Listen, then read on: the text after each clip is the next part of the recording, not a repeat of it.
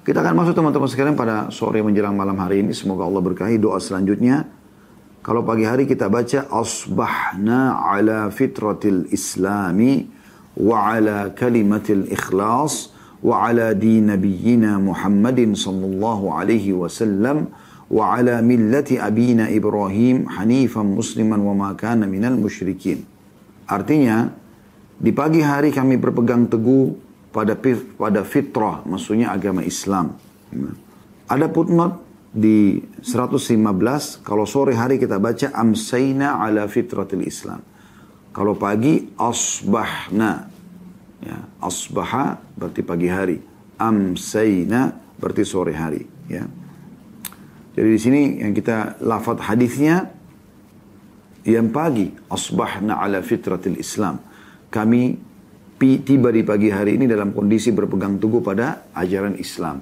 Kalau sore amsayna ala fitratil Islam. Kemudian wa ala kalimatil ikhlas dan juga kami berpegang teguh pada kalimat ikhlas atau tauhid. Maksudnya kalimat la ilaha illallah. Kami tidak akan berbuat kesyirikan, ya. Kemudian wa ala din nabiyina Muhammad wa ala wa ala dini nabiyina Muhammadin sallallahu alaihi wasallam dan berpegang teguh pada ajaran nabi kami Muhammad sallallahu alaihi wasallam wa ala millati abina Ibrahim dan berpegang teguh juga pada agama nenek moyang kami Ibrahim hanifan musliman wa ma kana minal musyrikin sebagai orang yang hanif atau bersih dari syirik bagi lagi muslim atau berserah diri dan tidak tergolong orang-orang musyrik. Diriwayatkan oleh Imam Ahmad jadi 3 halaman 406 sampai 407, jadi 5 halaman 123. Doa ini teman-teman sekalian Eh, pembaharuan terhadap Islam dan mengingatkan kembali kita terhadap harusnya kita berpegang teguh pada ajaran agama Islam. Apa pun yang diajarkan dalam Islam kita selalu terapkan dalam kehidupan kita dan ini sebuah konsep dasar yang harus kita fahami. Jadi zikir ini sebenarnya selain zikir kepada Allah juga mengingatkan kita tentang pentingnya berpegang teguh pada Islam. Ya. Kita coba ambil mutiaranya. Asbahana ala fitratil Islam kami tiba di pagi hari dalam kondisi berpegang teguh pada fitrah Islam. Maksudnya fitrah ini alaminya. Sesuai dengan hadis Nabi SAW yang lain, Kullu mauludin yuladu alal fitrah. Semua bayi yang baru lahir pasti dalam keadaan fitrah. Maksudnya dia muslim, dia kenal Tuhannya. Fa'abawahu yuhawidani, nanti kedua orang tuanya kalau Yahudi menjadikannya Yahudi, au yunassiranihi atau menjadikannya sebagai Nasrani kalau kedua orang tuanya Nasrani, au yumajjisani atau menjadikannya majusi kalau kedua orang tuanya majusi atau penyembah api. Ya.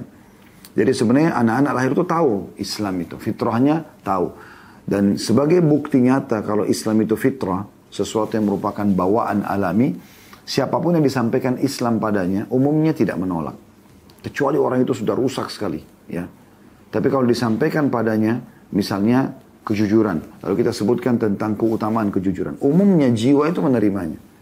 Kalau kita sampaikan misalnya perzinahan atau mencuri dan hukumannya, ancamannya, umumnya jiwa itu bisa menerima dan meninggalkannya. Itu namanya mengetahui fitrah Islam. Ya. Jadi tidak sulit. Makanya mengajak orang non-muslim masuk Islam itu tidak sulit. Karena kita cuma tawarkan saya tentang Islam. Dia terima tidak terima itu urusan dia. Tetapi dia sudah punya potensi fitrah dalam dirinya untuk bisa menerima Islam. Jadi Anda sebagai orang Islam jangan khawatir menyampaikan Islam itu. Dan sudah sering kami sampaikan pada saat Anda ingin mendakwahi orang non-muslim kepada Islam, jangan ajak mereka dialog di agamanya. Tidak usah mencari-cari tahu tentang ajaran agama mereka. Tapi tawarkan kepada mereka produk kita, Islam. Sehingga kita leluasa berdiskusi karena sesuatu yang kita kuasain. Ya. Masalah dia terima tidak terima itu bukan urusan kita. Karena penyampaian agama Ya. Tujuan dakwah adalah penyampaian dan bukan penerimaan. Yang penting kita sudah sampaikan, maka sudah cukup. Selebihnya, hidayah Allah subhanahu wa ta'ala yang tentukan. Dan setiap kali kita mendakwakan Islam, kita akan dapat pahala. Jadi itu makna daripada fitrah Islam. Atau dalam keadaan memang mengenal Islam itu sendiri. Kemudian potongan kedua, wa'ala kalimatin ikhlas. Dan juga kami berpegang teguh pada kalimat ikhlas. Maksudnya kalimat tauhid. La ilaha illallah. Ini kita pegang teguh. Ya. Kita berpegang teguh pada kalimat tauhid. Di sini teman-teman sekalian mengingatkan kepada kita tentang pentingnya kedudukan la ilaha illallah. Sampai kita jadikan sebagai zikir kita agar zikir yang kita baca pagi dan petang hari agar jangan sampai kita merusak la ilaha illallah. Memang bagaimana Ustaz merusak la ilaha illallah? Banyak. Orang mengaku muslim tapi dia pergi ke dukun, batal la ilaha illallah. Karena dia menyekutukan Allah dengan jin-jin tersebut, ya. Menggunakan jimat, ya.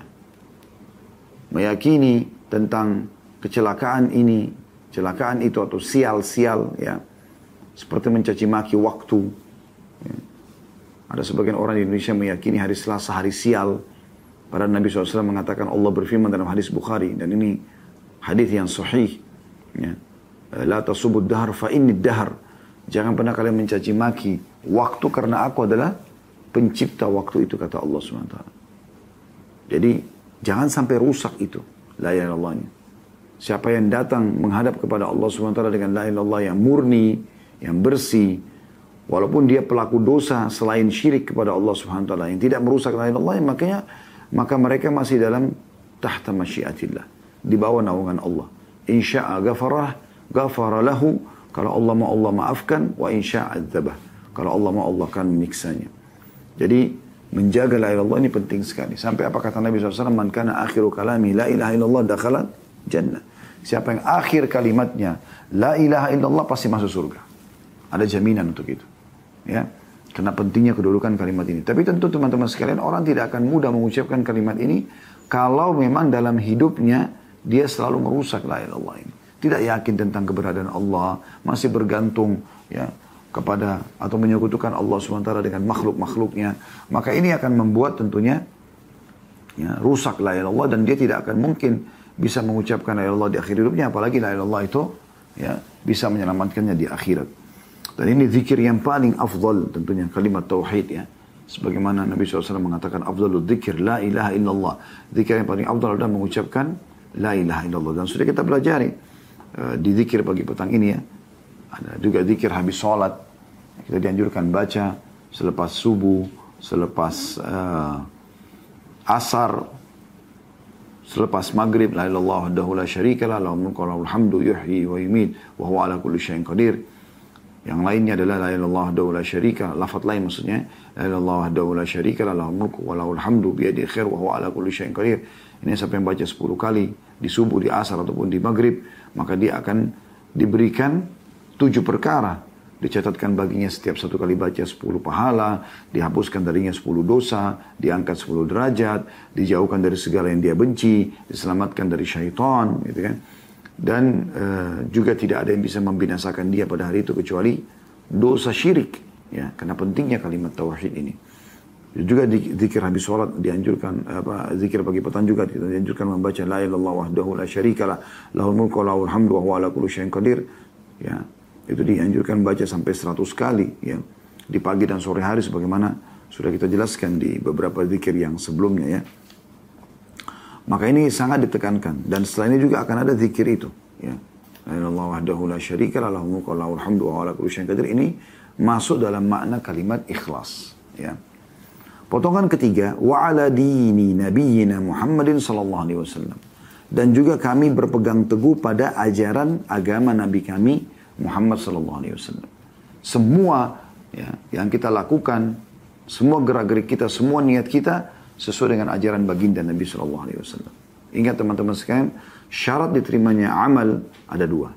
Ikhlas karena Allah, ya, dan yang kedua mutaba'ah, mengikuti mutaba'atun Nabi Shallallahu Alaihi Wasallam, mengikuti Nabi Muhammad Shallallahu Alaihi Wasallam, ciplak hidup beliau.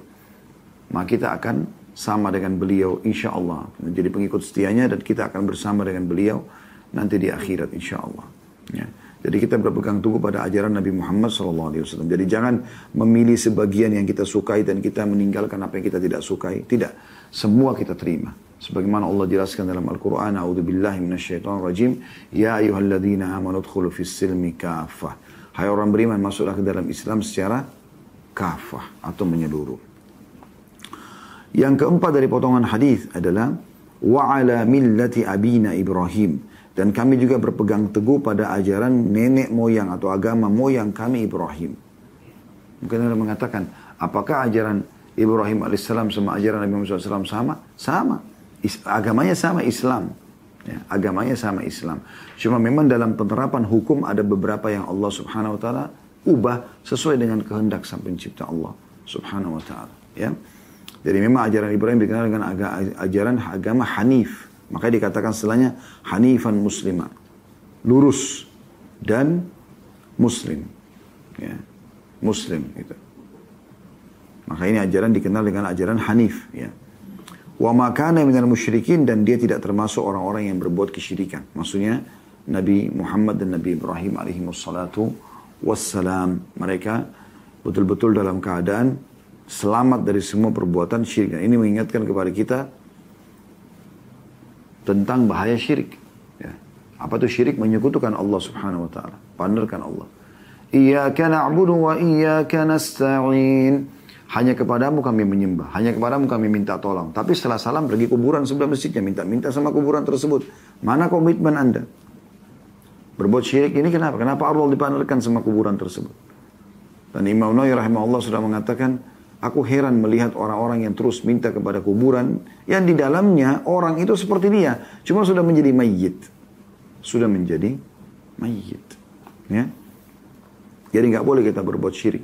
Ini sudah panjang lebar kita jelaskan, Anda bisa kembali kepada bahasan kami bedah buku uh, Al-Kabair, dosa-dosa besar yang tulis oleh Imam Zahabi rahimahullah di dosa besar pertama yaitu syirik kepada Allah subhanahu wa ta'ala. Syirik yang ada syirik besar dan syirik kecil. Syirik besar yaitu menyekutukan Allah dengan makhluknya. Ya seperti minta pada Allah minta juga pada kuburan minta juga pada batu.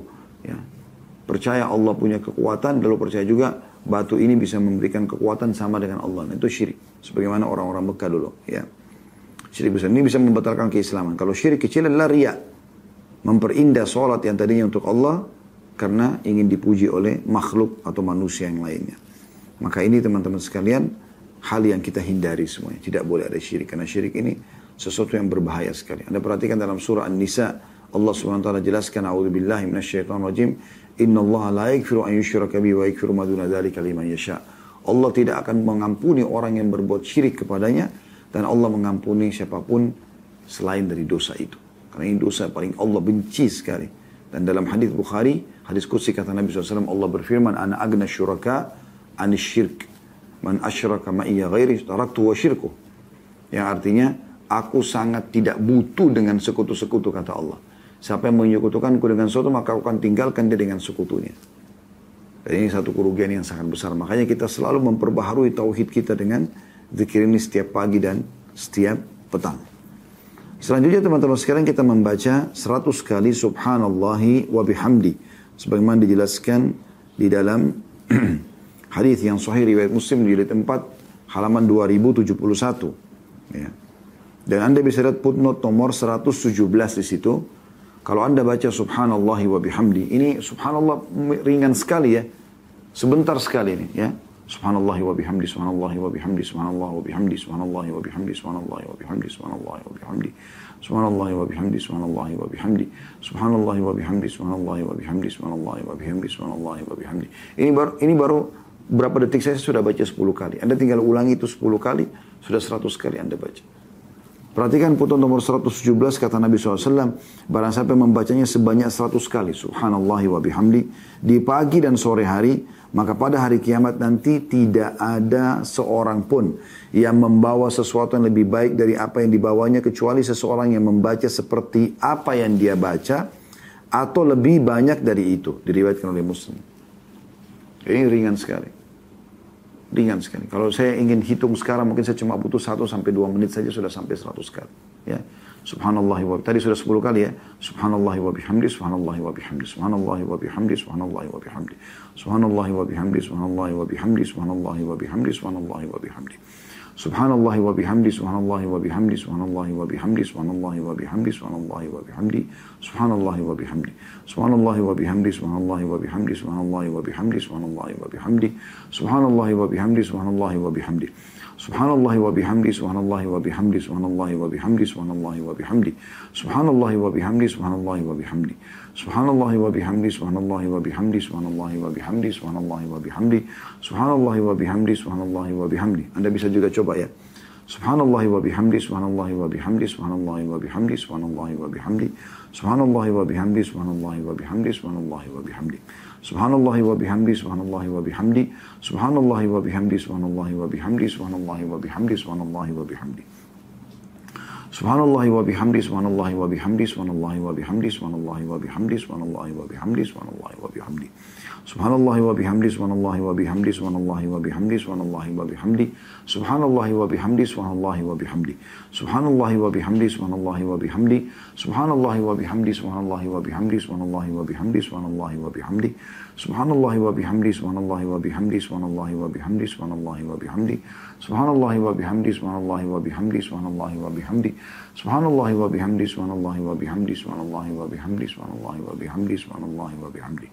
Subhanallah wa bihamdi, subhanallah wa bihamdi, subhanallah wa bihamdi, subhanallah wa bihamdi, subhanallah wa bihamdi, subhanallah wa bihamdi, subhanallah wa bihamdi, subhanallah wa bihamdi, subhanallah wa bihamdi, subhanallah wa bihamdi, subhanallah wa bihamdi, subhanallah wa bihamdi, subhanallah wa bihamdi, subhanallah wa bihamdi, subhanallah wa bihamdi. Satu menit teman-teman sekalian. Saya hitung ada jam digital di depan saya ini. Mungkin Anda tidak nampak, tapi saya lihat satu menit. Sudah selesai membaca subhanallah wa bihamdi seratus kali. Anda lagi antri di lift, Anda lagi antri mau bayar di kasir, Anda lagi mau bayar parkiran, Anda lagi uh, menunggu lagi telepon ke teman belum diangkat. Apa saja. Baca. Satu menit. Anda dengan baca ini akan datang pada hari kiamat membawa pahala tidak ada orang yang menyamai Anda. Coba bayangkan. Kecuali orang yang berbuat sama atau lebih daripada itu. Selanjutnya yang dianjurkan oleh penulis sini adalah membaca di halaman 91 ya. La ilaha illallah wahdahu la syarikalah lahul mulku wa lahul hamdu wa huwa ala kulli syai'in qadir. Ya. Ini dibaca 10 kali kata beliau ya. Dan itu ada putun nomor 118 diriwayatkan oleh An-Nasai dalam uh, bukunya Amal Al-Yawm wal Layla di nomor 24 dan Sahih Targhib Tarhib oleh Al-Mundri dan sahihkan oleh Syekh Albani di jilid 1 halaman 272 ya. Dan ini uh, dibaca 10 kali atau bisa satu kali pada saat ketika malas kata beliau di sini ya. Yang artinya la ilaha wahdahu la syarikalah tidak ada Tuhan yang berhak disembah kecuali Allah berarti tidak ada pencipta, tidak ada pemilik, tidak ada apa pun dan siapa pun yang bisa disembah kecuali Allah. Artinya tunduk dan minta mohon, memohon sesuatu. Kalau ada nikmat depan mata kita, kita ingin supaya bertahan, hanya Allah yang ciptakan kita, Allah yang ciptakan nikmat itu, Allah yang bisa pertahankan dan menambahkan. Dan kalau ada sebuah cobaan di depan mata kita, ada seseorang yang kita takuti, ada hewan yang kita takuti, yang ciptakan kita Allah, yang ciptakan ketakutan kita itu Allah yang bisa menghilangkan hanya Allah. Itu konsep tauhid. Ya. Jadi kita mengatakan tidak ada Tuhan yang berhak disembah kecuali Allah semata, tidak ada sekutu baginya. Tidak perlu kita partnerkan Allah dengan makhluknya, sudah kita jelaskan tadi. Hanya miliknya lah kerajaan semesta ini. Semua ini. Ya, di langit, di bumi, ke dalam lautan, semua ini di bawah kerajaan Allah subhanahu wa ta'ala. Itu makna lahul mulk, walahul hamdu dan segala puji baginya. Wa huwa ala kulli syai'in qadir dan dia maha kuasa atas segala sesuatunya. Ya. Dan ini diriwayatkan juga oleh Abu Daud ya di jilid 4 halaman 319 dan juga Ibnu Majah juga Ahmad meriwayatkan riwayat ini. Setelahnya mirip dengan tadi ya, langsung saja kita bacakan La ilallah wahdahu la syarikalah lahul mulku wa lahul hamdu wa huwa ala kulli syai'in qadir. Hanya saja ini dibaca 100 kali. Ya. 100 kali.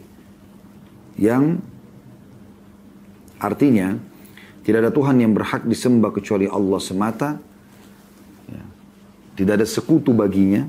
Hak hanya miliknya lah kerajaan semesta ini dan segala puji hanya baginya dan dia maha kuasa atas segala sesuatu. Perhatikan ada footnote nomor 120 di bawah.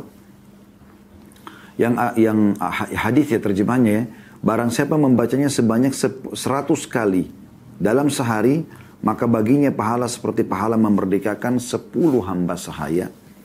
Dicatat baginya 100 kebaikan, dihapus darinya 100 keburukan, dan ia mendapatkan perlindungan dari gangguan syaitan pada hari itu hingga sore hari. Nggak akan diganggu oleh syaitan. Dan tak seorang pun dapat mendatangkan yang lebih baik dari apa yang dibawanya kecuali yang melakukan lebih banyak daripada itu. Hadis riwayat Bukhari, jilid 4 halaman 95 dan Muslim, jilid 4 halaman 2071. Ya. Ini hadis yang mulia tentunya ya. Dari hadis ini kita bisa ambil pelajaran bahwasanya mengucapkan kalimat tauhid ini ya 100 kali dalam sehari. Dalam sehari sepanjang hari, bisa pagi, bisa siang, bisa sore. Ya, ini cuma di sini dimasukkan dalam zikir pagi petang ya. Karena memang ada nanti akan kita sebutkan hadisnya kita ingatkan kembali ya tentang anjuran untuk membaca 100 pagi dan 100 sore bacaan ini gitu. Tapi di sini hadisnya siapa yang membaca ini 100 kali dalam sehari mau pagi ataupun sore maka baginya pahala seperti pahala memerdekakan 10 hamba sahaya. Saya sudah sempat singgung pada pertemuan yang lalu membebaskan hamba sahaya ini maksudnya dia bebas dari keterbudakan akhirnya apa pun yang dia lakukan kita panen pahalanya ya. Dicatat baginya 100 kebaikan. Dihapus darinya seratus keburukan. Dan ia mendapatkan perlindungan dari gangguan syaitan pada hari itu. Dicatat baginya seratus pahala, dihapus darinya seratus dosa. Ya. Dan kita tidak pernah tahu teman-teman seperti besar apa pahala yang satu, apalagi seratus. Kita juga tidak pernah tahu sebesar apa dosa satu yang Allah maafkan, apalagi seratus dosa. Ya. Dan ia mendapatkan perlindungan dari syaitan pada hari itu hingga sore. Kalau dia pagi dibaca di pagi hari. Nah, kalau dia baca sore hari berarti dia akan dapat perlindungan juga sampai pagi hari ya. Dan apa yang dibawanya dan ya, tidak seorang pun da, dapat mendatangkan yang lebih baik dari apa yang dibawanya kecuali yang melakukan lebih banyak daripada itu. Nah ini tadi relevansinya sama hadis yang sebelumnya subhanallah wa bihamdi tadi yang kita praktikin.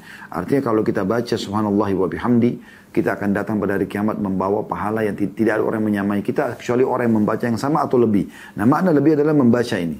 Menambahkan la ilaha wahdahu la syarikalah, lahul mulku lahul hamdu wa ala kulli syai'in qadir 100 kali. Ya, sehingga kita mendapatkan lebih ya uh, daripada pahala orang cuma baca subhanallahi wa bihamdi. Ini maknanya. Uh, ada juga hadis lain yang pernah kita bacakan teman-teman yang saya mukil dari Sahih Targhib Tarhib yang kata Nabi SAW sampai membaca Subhanallah 100 kali di pagi hari dan di sore hari. Siapa yang baca Subhanallah 100 kali sebelum terbit dan sebelum terbenam matahari, maka dia akan mendapatkan pahala lebih baik daripada memiliki atau bersedekah dengan 100 ekor unta.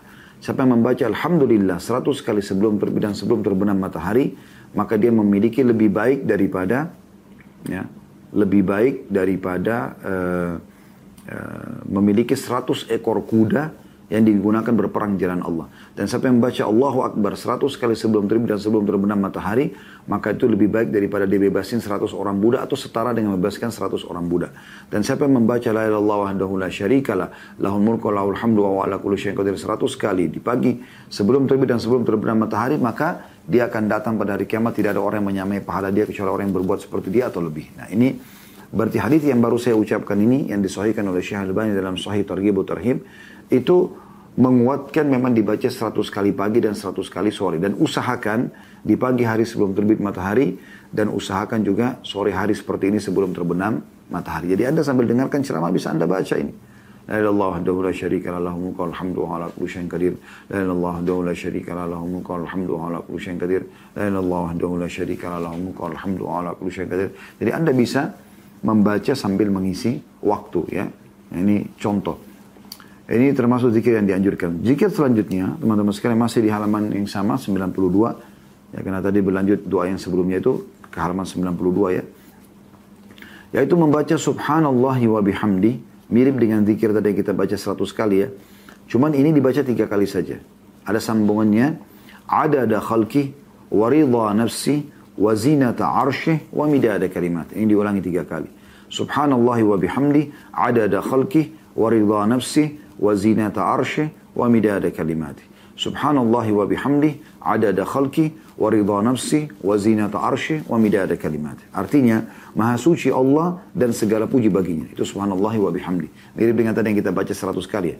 Tapi ini cuma tiga kali tapi ditambah. Ada tambahnya. Adada khalki. Sejumlah makhluk. Sejumlah makhluknya Allah. Jadi kita baca subhanallah wa bihamdi. Sejumlah semua manusia, sejumlah semua jin, sejumlah semua uh, tumbuh-tumbuhan, hewan-hewan, malaikat-malaikat semuanya. Ini luar biasa ini ya. Waridho nafsi sampai Allah ridho menerimanya wazina ta'arsy dan sejumlah ya atau seberat timbangan arsnya wa midada kalimati dan juga sebanyak kalimat-kalimatnya. Hadis ini diriwayatkan Muslim jilid 4 halaman 2090. Ini hadis luar biasa teman-teman sekalian. Jadi subhanallah wa bihamdi dua kali kita baca ya. Dibaca 100 kali sendiri pagi dan sore dan dibaca juga subhanallah wa bihamdi tiga kali saya cuma ditambah ada ada khalqi sejumlah makhlukmu wa ridha nafsi sampai engkau ridha wa zinata dan seberat arshmu ya wa midada kalimati dan juga sejumlah kalimatmu. Dan ini empat hal ini luar biasa teman-teman sekalian. Kita ambil faedahnya dan ini anjuran para ulama agar dibaca setiap kali habis zikir ya. Dibaca misalnya Anda baca istighfar, Anda baca juga ini ada dakhalki sejumlah makhluknya waridha nafsi sampai Allah ridha wa zinata arsy seberat uh, arsnya wa midada kalimat seberat timbangan arsnya wa midada kalimati dan sejumlah kalimatnya agar kita mendapatkan pahala sebanyak itu Bayangkan teman-teman, kalau kita bacanya cuma tiga kali, tapi kita mendapatkan sejumlah sejumlah makhluknya Allah. Yang mati itu pun hidup. Volume air, bobot batu, api, dan segala macam hal. Semuanya makhluknya Allah. Berapa banyak mereka? Berapa miliar kita panen pahala? Waridha nafsi. Sampai Allah ridha. Allah memuji dalam ayat Al-Quran, dalam surah Al-Azab, وَالذَّاكِرِينَ اللَّهَ كَثِيرًا وَالذَّاكِرَانِ dan orang yang banyak berzikir kepada Allah laki-laki dan juga perempuan. Banyak, kir, harus banyak. Baru Allah ridho gitu kan. maka di sini kita sudah minta agar Allah ridho. Ini Allah yang ajarkan kepada kita. Wazinata arsy dan seberat timbangan arsy. Arsy makhluk Allah yang paling agung. Tidak ada makhluk Allah yang lebih besar daripada arsy. Ya. Ini makhluk Allah yang paling besar, yang paling agung. Sebagaimana sudah disepakati oleh para ulama gitu. Nah, arsy Allah Subhanahu ini berat tentunya. Karena makhluk Allah yang paling berat. Bagaimana kalau arsy itu jauh lebih besar daripada seluruh langit, seluruh bumi, ya, apa? Langit, seluruh langit dan bumi. Dan semua ada di antara keduanya.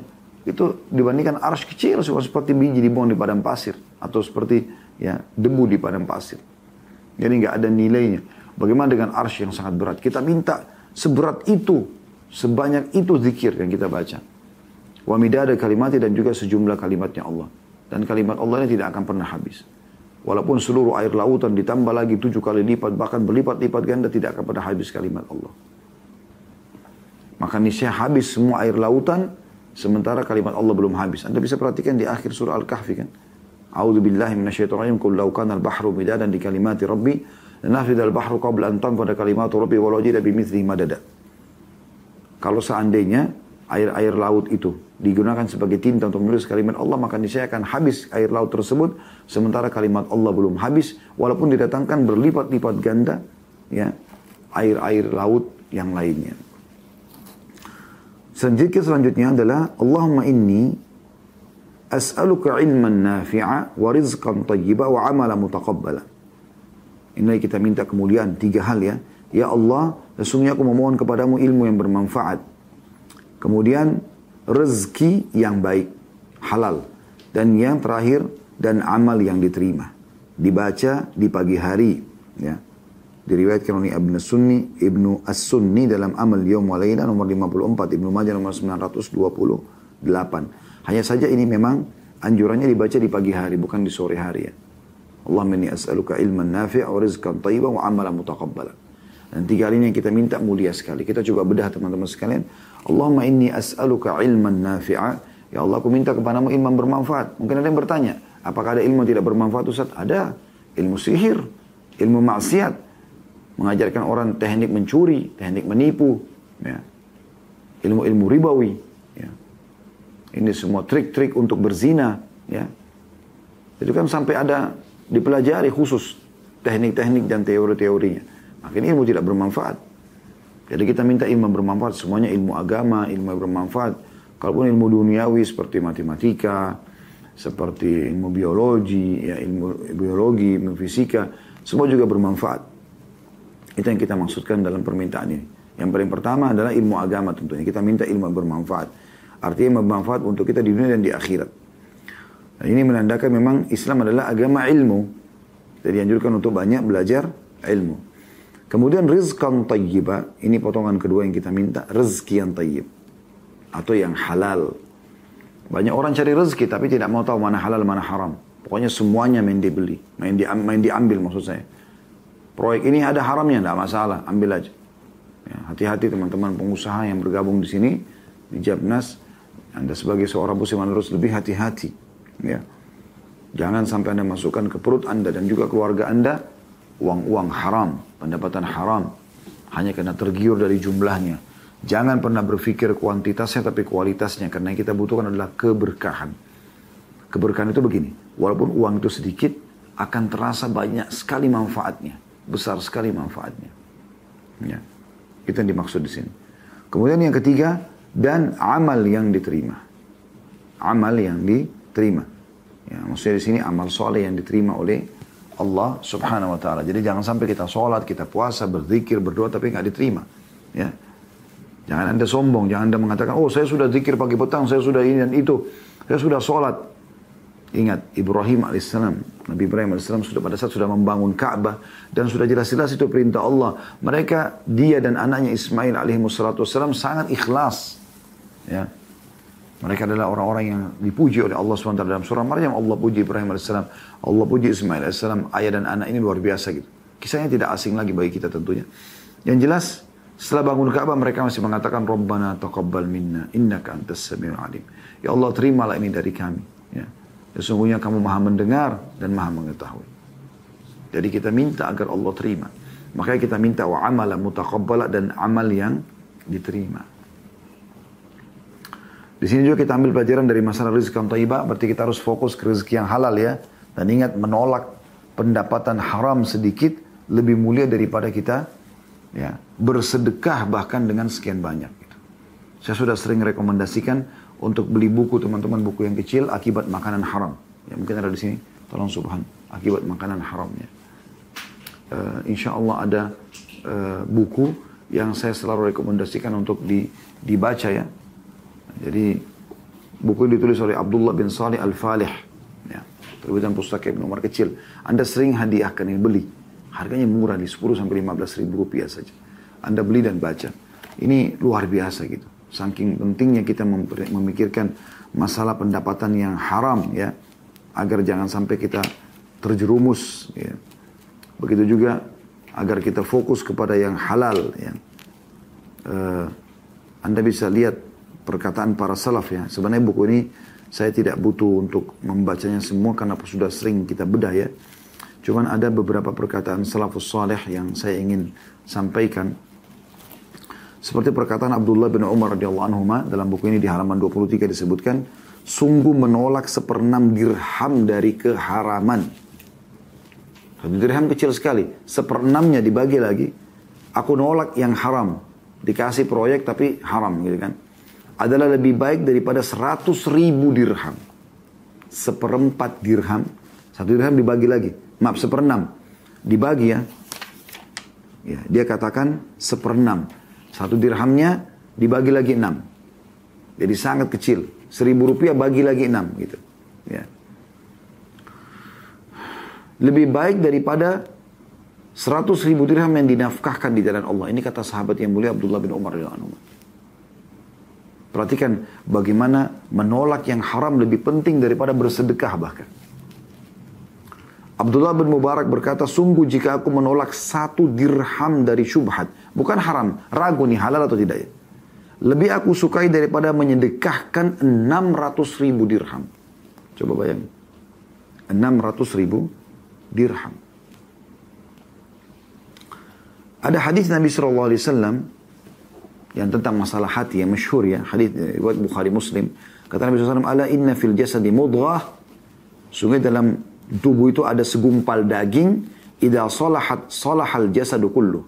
Kalau dia baik, baik semua jasad itu. Wa idza fasadat fasadal jasadu kullu. Kalau dia rusak, rusak semua jasad. Ala wahiyal qalb. Ketahuilah dia adalah hati. Ditanya kepada Imam Ahmad rahimahullah. Dengan cara apa hati itu bisa lunak? Supaya baik. Sebagaimana hadis ini. Kalau dia rusak, rusak. Kalau dia baik, baik. Bagaimana caranya supaya hati bisa baik? Kata Imam Ahmad, dengan makan yang halal dengan makan yang halal. Makanya di sini teman-teman kita berdoa kepada Allah supaya dikasihkan rizkan tayyibah.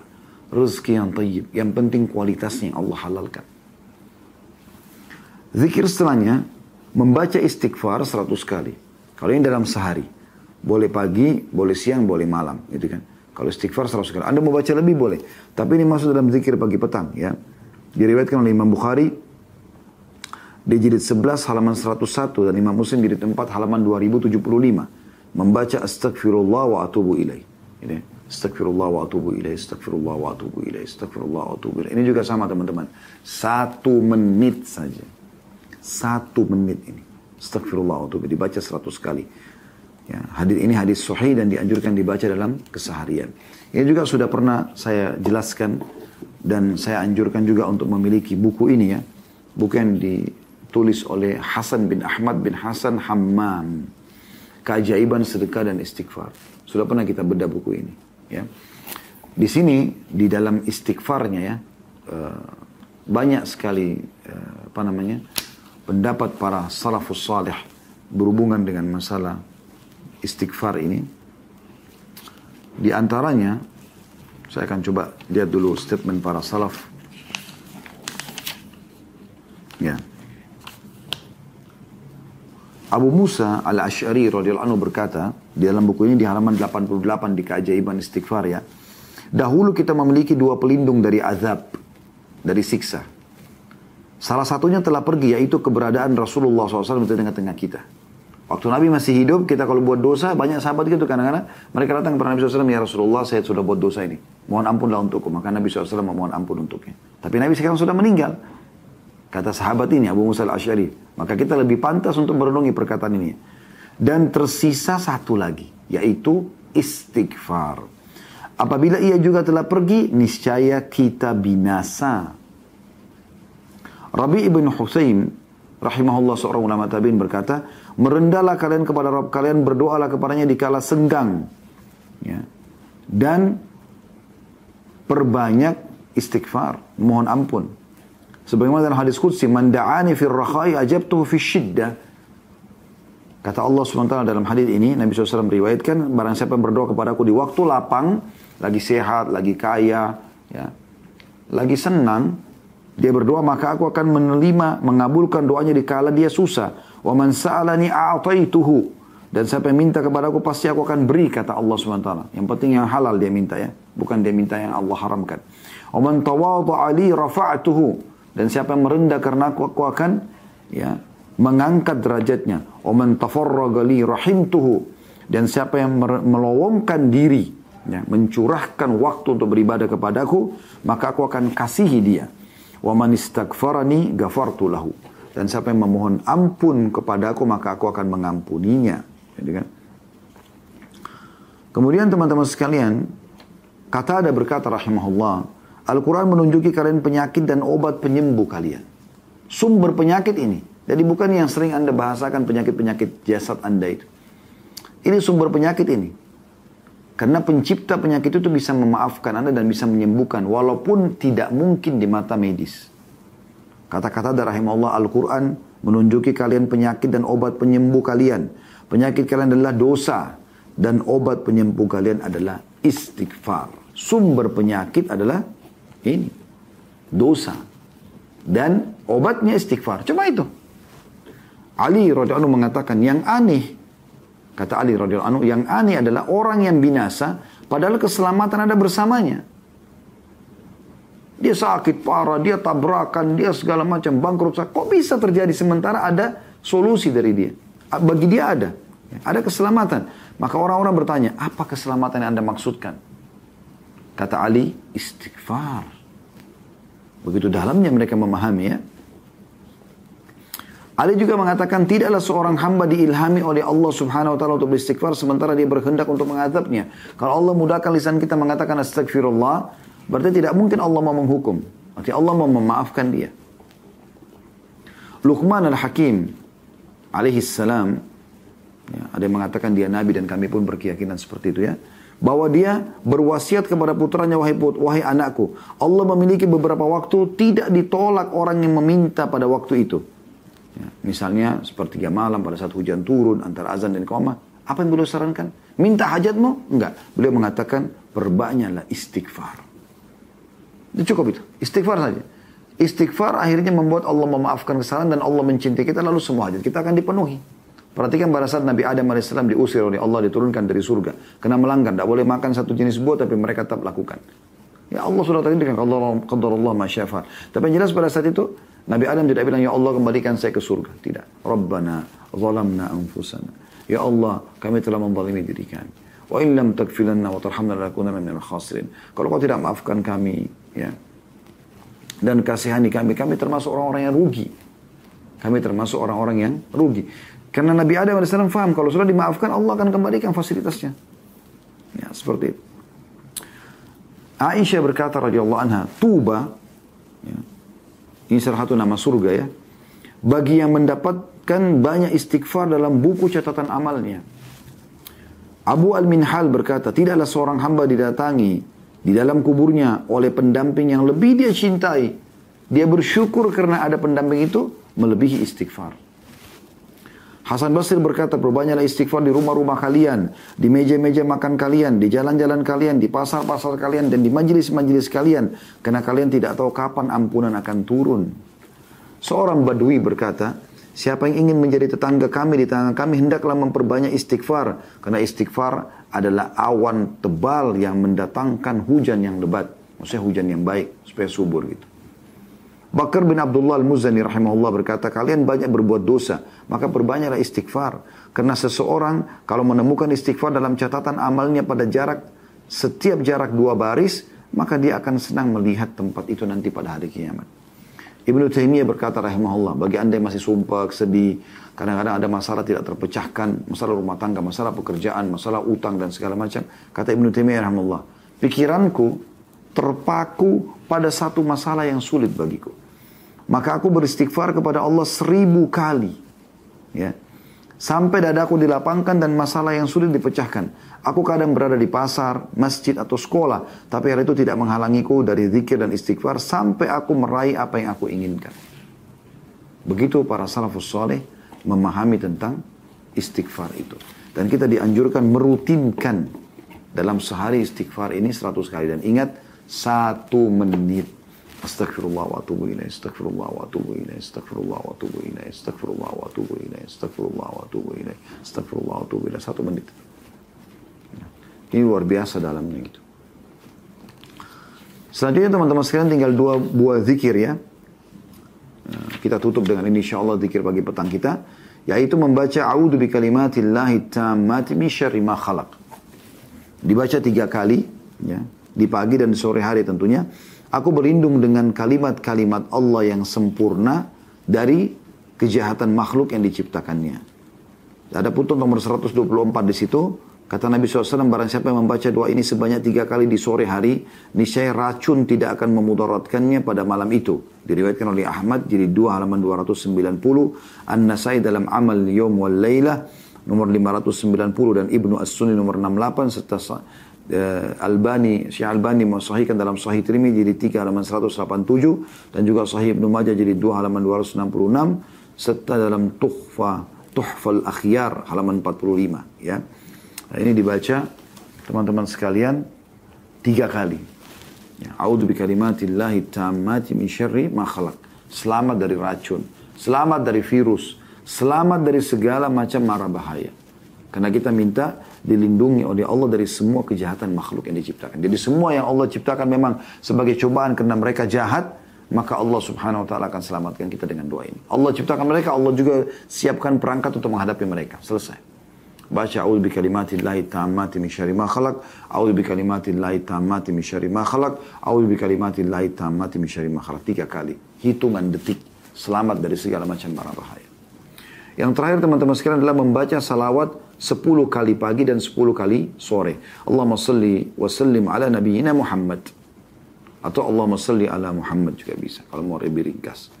Ya Allah limpahkanlah salawat dan salam kepada Nabi kami Muhammad sallallahu alaihi wasallam. Perhatikan ada footnote nomor 125. Dianjurkan baca 10 kali pagi dan 10 kali sore. Barang siapa yang bersalawat untukku 10 kali, pada pagi dan 10 kali pada sore hari, maka dia akan mendapatkan syafaatku pada hari kiamat. Artinya pertolongan Nabi SAW agar masuk ke dalam surga. Diriwayatkan oleh Tabarani melalui dua sanad dan salah satunya adalah jayid atau baik. Juga diriwayatkan dalam disebutkan dalam Majma' Az-Zawaid jilid 10 halaman 120 dan Sahih Targhib Tarhib jilid 1 halaman 273. Ini ringan ya. Hitungan detik ya. Allahumma salli ala Muhammad, Allahumma salli ala Muhammad, Allahumma salli ala Muhammad, Allahumma salli ala Muhammad, Allahumma salli ala Muhammad, Allahumma salli ala Muhammad, Allahumma salli ala Muhammad, Allahumma salli ala Muhammad, Allahumma salli ala Muhammad, Allahumma salli ala Muhammad. Lima detik. Anda bisa hitung. Subhanallah, ringan sekali. Dapat pertolongan Nabi SAW. Pagi hari, ya, anda baca sore hari juga. Sepuluh kali. Salli ala Muhammad, Allahumma salli ala Muhammad, Allahumma salli ala Muhammad, Allahumma salli ala Muhammad, Allahumma salli ala Muhammad, Allahumma salli ala Muhammad, Allahumma salli ala Muhammad, Allahumma salli ala Muhammad, Allahumma salli ala Muhammad, Allahumma salli ala Muhammad, Allahumma salli Muhammad.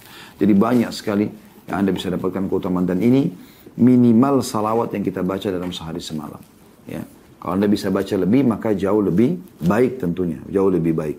Perhatikan uh, kita tutup dengan hadis-hadis Nabi saw ya, yang perlu kita renungi berhubungan dengan masalah salawat ini. Hadis yang pertama adalah sabda Nabi SAW, Man salla alaiya salatan wahidah, siapa yang mengucapkan satu kali salawat kepada aku. Tadi kan disuruh baca sepuluh kali ya.